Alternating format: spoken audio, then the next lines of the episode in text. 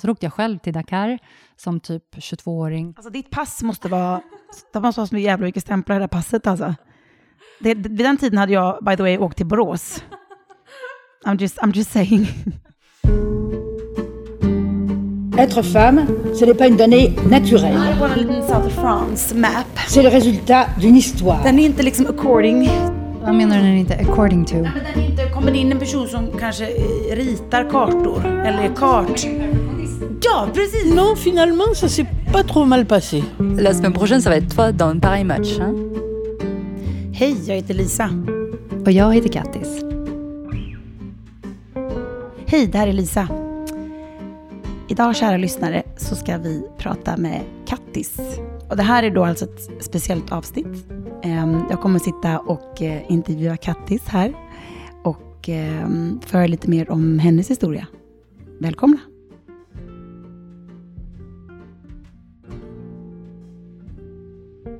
Okej Kattis, hej. Hej, jag måste fråga dig först. Sen är det du som ska ha alla frågorna. Hur känns det? Jag är jättenervös. Jag vet inte ens om jag håller micken. Man känner ju det eh, med dig Kattis, att eh, när du kommer in i ett rum så lyssnar man. Har du, känner du, äh, jag ska formulera den frågan. Det jag märkte när jag var liten, det var att jag ville gärna dra igång. Det var jag som satte igång affären eller vi skulle spela in någon radiostation på kassettband och det var mycket riv och det skulle hända saker hela tiden. Du startar ju också din egen skoltidning. Berätta lite om det. Så det var faktiskt en copy-paste. Jag blev inspirerad för jag läste de här tvillingböckerna om Elizabeth och um, Jessica. Jag med! Sweet Valley High baby! Och jag drog igång en skoltidning när jag gick i fyran. Det var också precis när datorer började komma. Så vi hade Microsoft Publisher på datorn också. Då hade jag världens layout, den var helt underbar. Man kunde liksom göra såna här kolumner, det såg ut som en vanlig tidning. Bergvallabladet, årsgång 1, nummer 3. Alltså jag gick all in verkligen. Och gjorde då intervjuer i skolan, tävlingar, quiz. Jag kommer ihåg att man var mycket äldre när man höll på med det där. Och vi är lika gamla. Då, skrev, då, då höll jag på med kritor fortfarande. Jag skulle bara inflika det. Så min mamma och min styvpappa var väldigt på internet. Vi hade liksom modem som klickade igång klockan nio på kvällen efter läggdags. Så hörde man den här, mm, alltså den här tonen liksom. Jag var jättenyfiken på det redan då. Jag var väldigt eh, teknik-aversive. Liksom att jag, det var inte så att jag... Jag kände att det här inte var min domän. Min mamma var väldigt teknisk fysik och hon höll på och skulle visa mig sådana grejer. Jag fattade ingenting. Och jag ville helst liksom, ja, mima till Tina Turner och typ ja, men så här, ha kul och liksom, jippo och ha, ha skoj. Och, och, men, men datorn blev på något sätt ett sätt för mig då att skapa skoltidning. Eller om det hjälpte mig med någonting så var jag inte rädd. Jag tror att det också har hjälpt mig idag. Att jag inte är så rädd för att ta mig an då podcast och nya medier och sådär. För att det fanns omkring mig också som barn. Och sen har jag haft liksom, det har varit körigt hemma och jag har hittat på massa bus. Eh, jag snattade som liten och höll på med vad som helst och blev straffad höger och vänster. Och många av de här straffen var för att byta skola. Så jag blev satt i musikklasser eh, och fick åka buss varje dag från jag var 11. Och då, det var liksom, då, då började en ny del av mitt liv som jag tror alla de här förändringarna har gjort mig väldigt självständig och vet hur jag skapar mig nytt sammanhang och så vidare. Började du spela basket för att du var lång? Kände du att du, eller fanns det liksom verkligen, det fanns verkligen ett genuint intresse för att börja spela basket? Så det är det jag frågar mig nu, för nu är folk så här jämt, de bara “Oh, you play basketball, let's go play”. Och jag bara mm, “Jag vet inte”. Typ, det kändes lite mer som duty och det kändes som ett sätt att komma hemifrån. Um, som 15-åring då, när jag skulle börja gymnasiet, så blev jag skickad till uttagning för basketgymnasiet i Huskvarna. Riksbasketgymnasium. Så då skulle jag bli basketproffs. så då flyttade jag hemifrån när jag var 15 och så gick jag där nere i, uh, i tre år. Ja, hur gick det, men hur gick det med basketen? Jo, det var väldigt uh, intensivt. Jag hade väldigt mycket prestationsångest. Väldigt, väldigt, väldigt mycket prestationsångest. Så typ när jag spelade match, alltså min coach sa till mig så här, hitta rätta känslan så kan du göra amazing på planen. Alltså om jag var i rätt flow så kunde jag göra massa poäng, ta massa returer. Alltså jag hade världens ojämnaste statistik i säsongen. Liksom. För om jag inte mådde bra så var jag som en så stolpe, typ. Någon, någon, passade en boll i huvudet på mig, typ. Nej, okej, nu överdriver jag, men typ. Fast det känns ju lite som att det, då, man kommer alltid ett vägskäl Någonstans där det börjar bli, ska det bli på riktigt? Eller ska jag bara ha det som en hobby på något sätt? För mig på den tiden, då skulle jag till USA. Jag ville in på college. I slutet av år två, tvåan på gymnasiet, då åkte vi till Tjeckien i en vecka och spelade turnering. Och där drog jag knät i ett helt konstig riktning. Så att när jag skulle börja tredje året av gymnasiet då, och liksom verkligen så här, ja, men få upp mina statistiker och liksom bara jävla bra rebound rate och allt det där, för att skicka iväg det till USA då. Och det här är så här säljversionen av vad som hände, för jag vet inte i mig, jag tror inte jag ville det här. Och jag, det här är så här, of course, det här var ju säkert eller det rätta för mig att inte åka. Men the story då var ju så här, åh, jag skulle till USA, nu kan jag inte för mitt knä.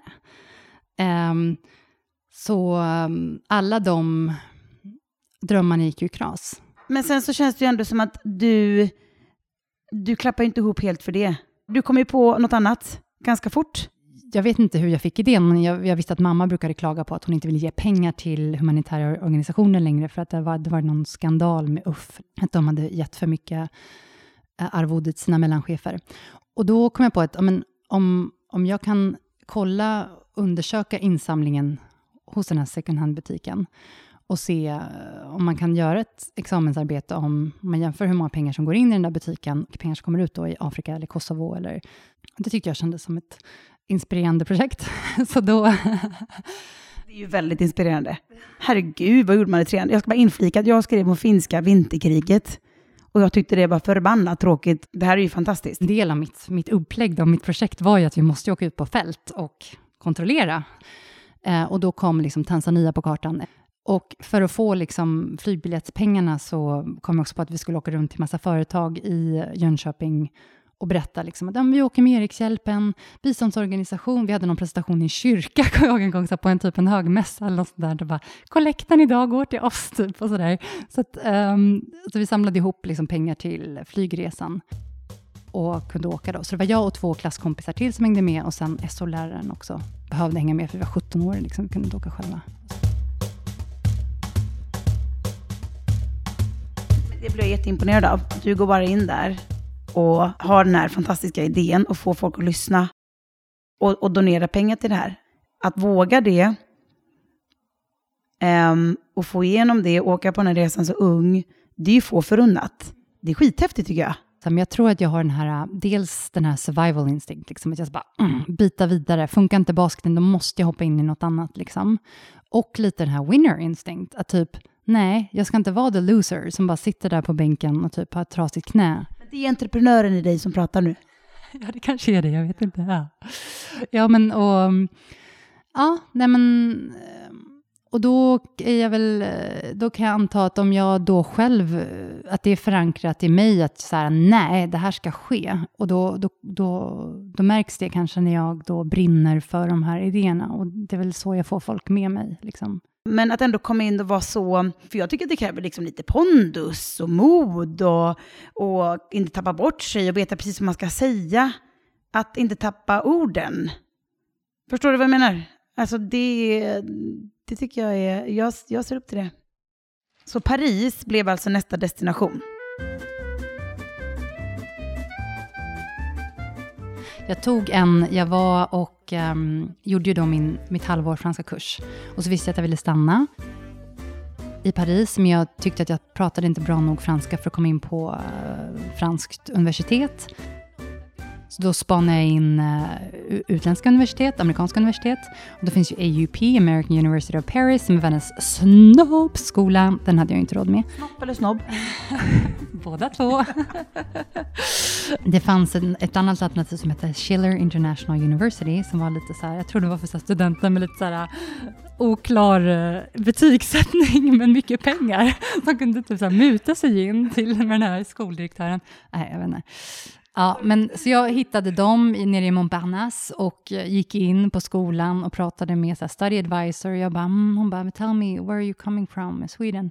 What do your parents do? Jag bara, my father is dead. She's like, that's something we can support. Jag bara, okej. Okay. Hon bara, you can get this scholarship. Jag bara, all right. Så det tillät mig att stanna fyra år till i Paris och, och jag pluggade hela min bachelor där, på det där universitetet.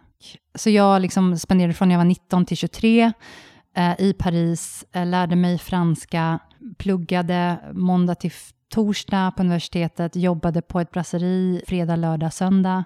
Så jag hade ingen dag off, eh, levde på min dricks och bara försökte överleva typ. Alltså, jag hade ju studiebidrag och sådär, men jobbade, jobbade, jobbade, jobbade. Ville du mm, slå dig ner i Paris? Kändes det som att du ville, kunde tänka dig att bo i Paris? Permanent? Ja, nej, men när jag var där, jag var ju liksom parisien. Var, det var min stad, jag älskade det och allting. Det hände ju massa, massa grejer under de där åren. Ah, och romanser, liksom, den här kärleken som jag hittade där som var helt otrolig. Och så minnen, och bara sitta uppe vid Sacré-Cœur och hångla och se hela Paris framför en. Alltså när man är 20 år gammal, det är så här... Vad hände med han sen då? Fick du inga örhängen? Nej, jag fick inga örhängen. Han ville inte vara ihop med mig. När jag bodde i Paris hade jag kommit och intervjuat, då, inom citattecken, ambassadören tre, fyra gånger för att försöka, till diverse fejkprojekt, för att försöka skapa liksom, lite connections på svenska ambassaden i Paris. Ingen nappar på det tyvärr. Fejkprojekt? Du vet, man bara mejlar dem så man komma upp och prata med dem så här, och sen bara lägga in på slutet, ehm, har ni några internship som kommer upp nu eller? Men det funkade aldrig. Och de bara, nej men vi tar bara in folk direkt från Uppsala eller Lund. Jag bara, men jag är här i Paris, jag pratar flytande franska typ. Eh? De bara, nej, det är etablerat, UD tar bara grejer från de universiteten. Och det var bara därför jag ville in på Uppsala. Sorry Uppsala.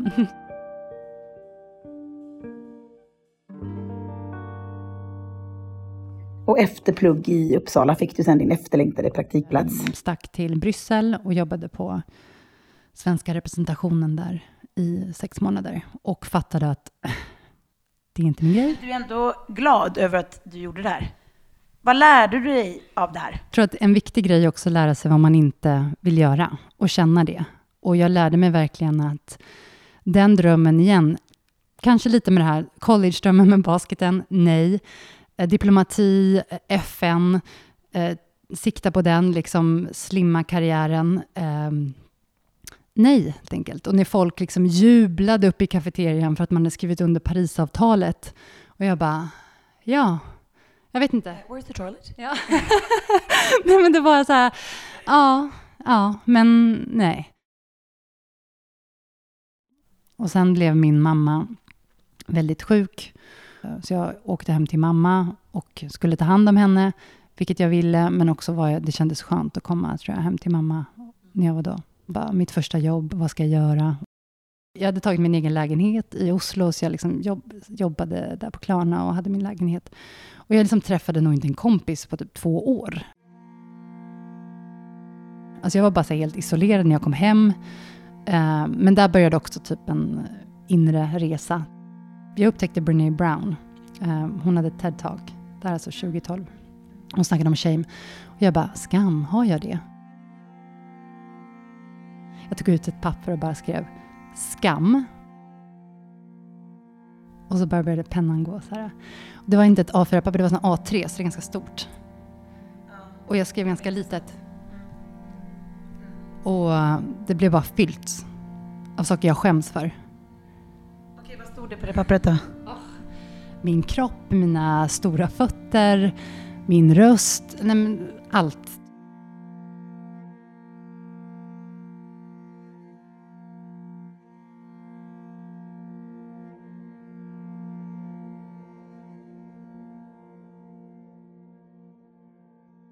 Det, den resan började 2012 och den typ avslutades kanske sju, åtta år senare. Så här, terapi började jag gå i. Eh, jag började skriva en massa och, och började intervjua mamma och bara, vad hände? Och, typ bara, eh, och jag var så här, bara, men gud, det är någonting här. Så jag bara, jag måste gräva, jag måste förstå. Så här. Eh, det är något som ligger lagrat i kroppen. Liksom. Det, det här liksom var, det var en terapi för dig? Ja, och få undersöka. Så det gick till den punkten att jag kontaktade min gamla lågstadielärare.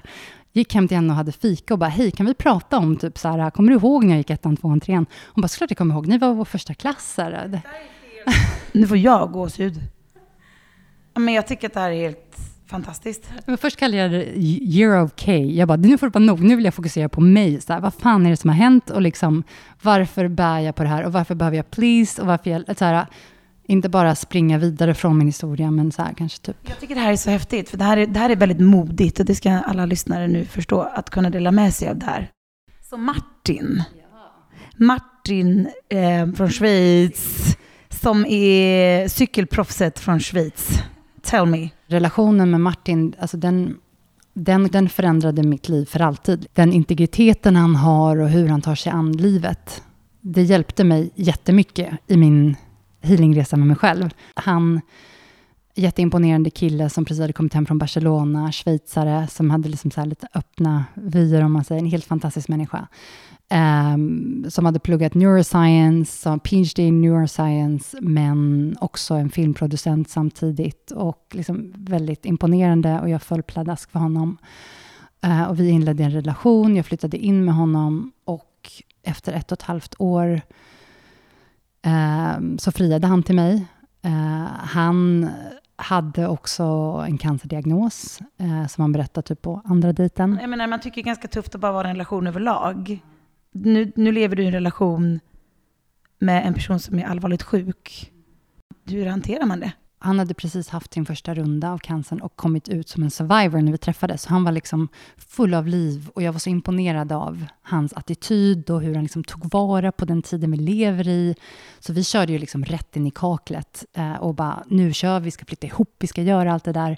Men hela det där gick ju alldeles för snabbt för mig. Jag hann inte med känslomässigt och nya jobbet och allting. Och sen kom hans cancer tillbaks när jag bara hade varit så här nio, tio månader i Schweiz. Jag började en karriär på EF där, blir liksom typ promoted väldigt snabbt. Typ efter sex månader så, så blir jag så här website marketing director, så global director och ska anställa ett helt nytt team. Det var skittufft. Och då kom Martins cancer tillbaka också i den vändan.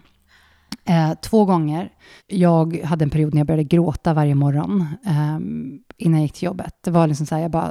Uh, ork jag kände ingenting liksom. Och jag bara grät. Och då skickade Martin iväg mig till hans terapeut. Så då fick jag liksom på stunden sex veckor ledigt, vilket var första gången i mitt liv, typ att jag haft så mycket fritid. Men jag valde att döpa de här sex veckorna till Sing Leave, för jag sa nu fan, nu ska jag sjunga. Och då, för att Martin behövde han åka på en workshop i en annan stad i Schweiz, mitt under min Sing Leave. Och då hade han precis haft cellgifter, så han var ganska svag. Så sa han, kan inte du hänga med på den här workshopen? Så jag hänger med och bara, oh, du, du, du, du, massa filmmänniskor. Det står att det ska börja klockan 10, det börjar 10.25. Alla bara chillar, oh, kreativa människor. Jag fattar ingenting. Så här. Ah, kul, okej, okay, hänger med på ett hörn. En, och då sitter de med någon sån här äh, mediakonsultant som bara, okej, okay, ni ska göra video, ni ska skriva bloggposts och ni ska hålla på med, med, med foton, men har ni tänkt på podcast? Eh, och Martin bara, nej, jo, ah. Nej, jag gillar inte så mycket min egen röst faktiskt. Här. Och så typ kollar han till höger. Där satt jag och han bara, men... Då kom den här radioproducenten fram ur Kattis och bara, det är inte så långt ifrån. Nej, och då sa han, är det något så här, han bara, du kanske vill testa det, du har ju ändå inget att göra nu liksom. Och jag, det här var alltså 2015. Um, ehm, och då hade Serial kommit ut tidigare det året. Jag var helt obsessed med Serial. Berätta vad det är för någonting.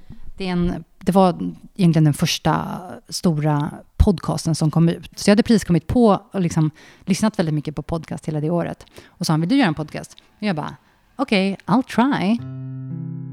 Det kan jag väl göra. Jag har ändå inget att göra nu när jag är single Jag har så här fem veckor kvar. Jag kan väl göra något sånt där.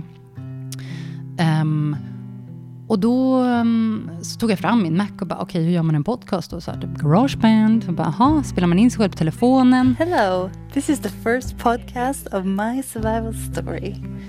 This is a podcast that would touch upon different topics related to... No, but I think every podcast needs to have like a tagline, like this is but and then the question is if it should be like quick and dynamic, like this, like we, we really wake people up and get them motivated and make American got it, or it should be like Swedish children's pod, soft voice with very relaxing kind of a little bit of harmony. Och så liksom började jag leta efter typ musik och sådär. Och så bara, du vet, jag kom in i det och så tappade jag bort mig själv.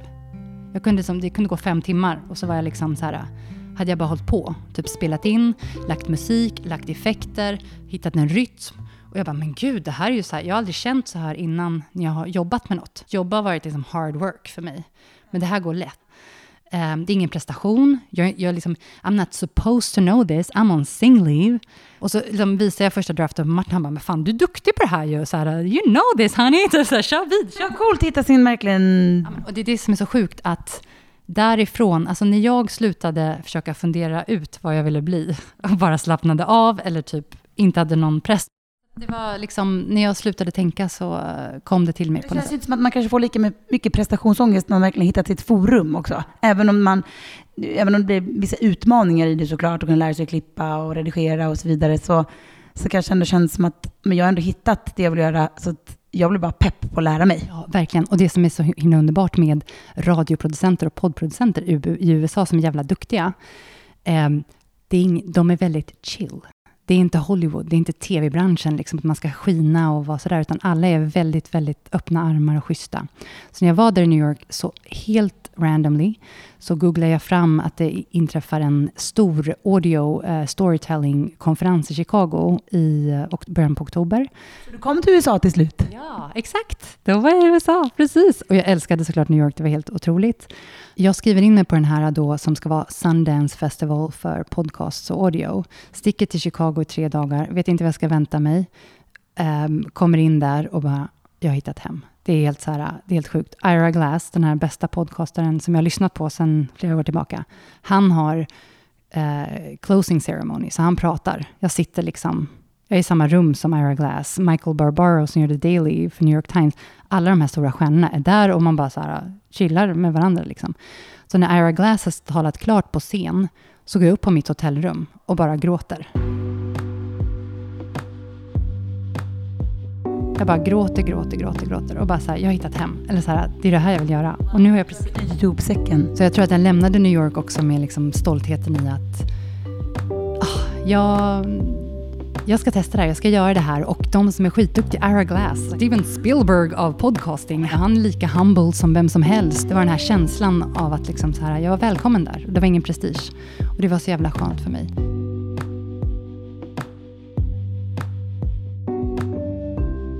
Jag tror att jag var lite för snabb eh, många gånger i att använda den här pondusen, använda den här passionen. Alla de här liksom, superkrafterna eller vad det är jag har som jag klarar av bara skapa i mig själv. De började jag skapa för att ta mig fram. Att jag inte väntade tills de kom eller att det hände i mötet. Utan jag kom Du med var liksom lite för ivrig. har ju, det har jag märkt liksom på alla arbetsplatser jag har varit, så jag har folk bara “Wow, you're the personification of our brand”. Typ så här, du är den perfekta ambassadören. Så Det är ju bara för att jag har bara använt det och så har jag blivit Oriflame, eller så har jag blivit Klarna, eller så har jag blivit liksom EF. Alltså, och det säger ju någonting också om att man är en kameleont och att det kanske blir ändå en strategi bara för att rodda. Och det, alltså det ledde mig till slut till en plats där jag var ganska tom. Så ung, men det är klart att man inte hittat sin grej än. Och man måste bara testa sig fram och det gör ju du genom också att visa det här. Det spelar roll vart ifrån saker och ting kommer i kroppen. Liksom. Om det kommer från ett ställe att man ska visa... gud, det är inte så himla svart och vitt. Liksom. Men, men du vet vad jag menar. Att, att man kan lätt göra sina tillgångar till perversa knep. Liksom, på bekostnad av en själv. Och det tror jag att jag liksom bara så här, blev lite lost i. Är du lite snällare mot dig själv idag? Jag skulle vilja tro det, ja. Yes, yes, yes, yes, yes.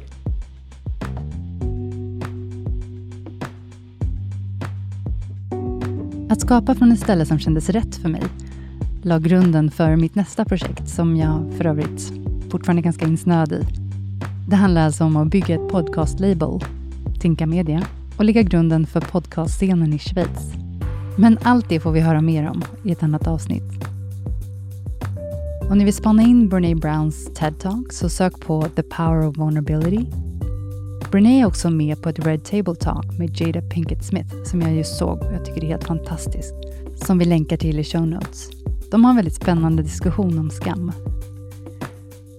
Den här podden är producerad av Tinka Media. Musik kom från Blue Dot Sessions. Och om du är intresserad av att synas i vår podd så letar vi just nu efter partners som delar vårt intresse för Frankrike och entreprenörskap.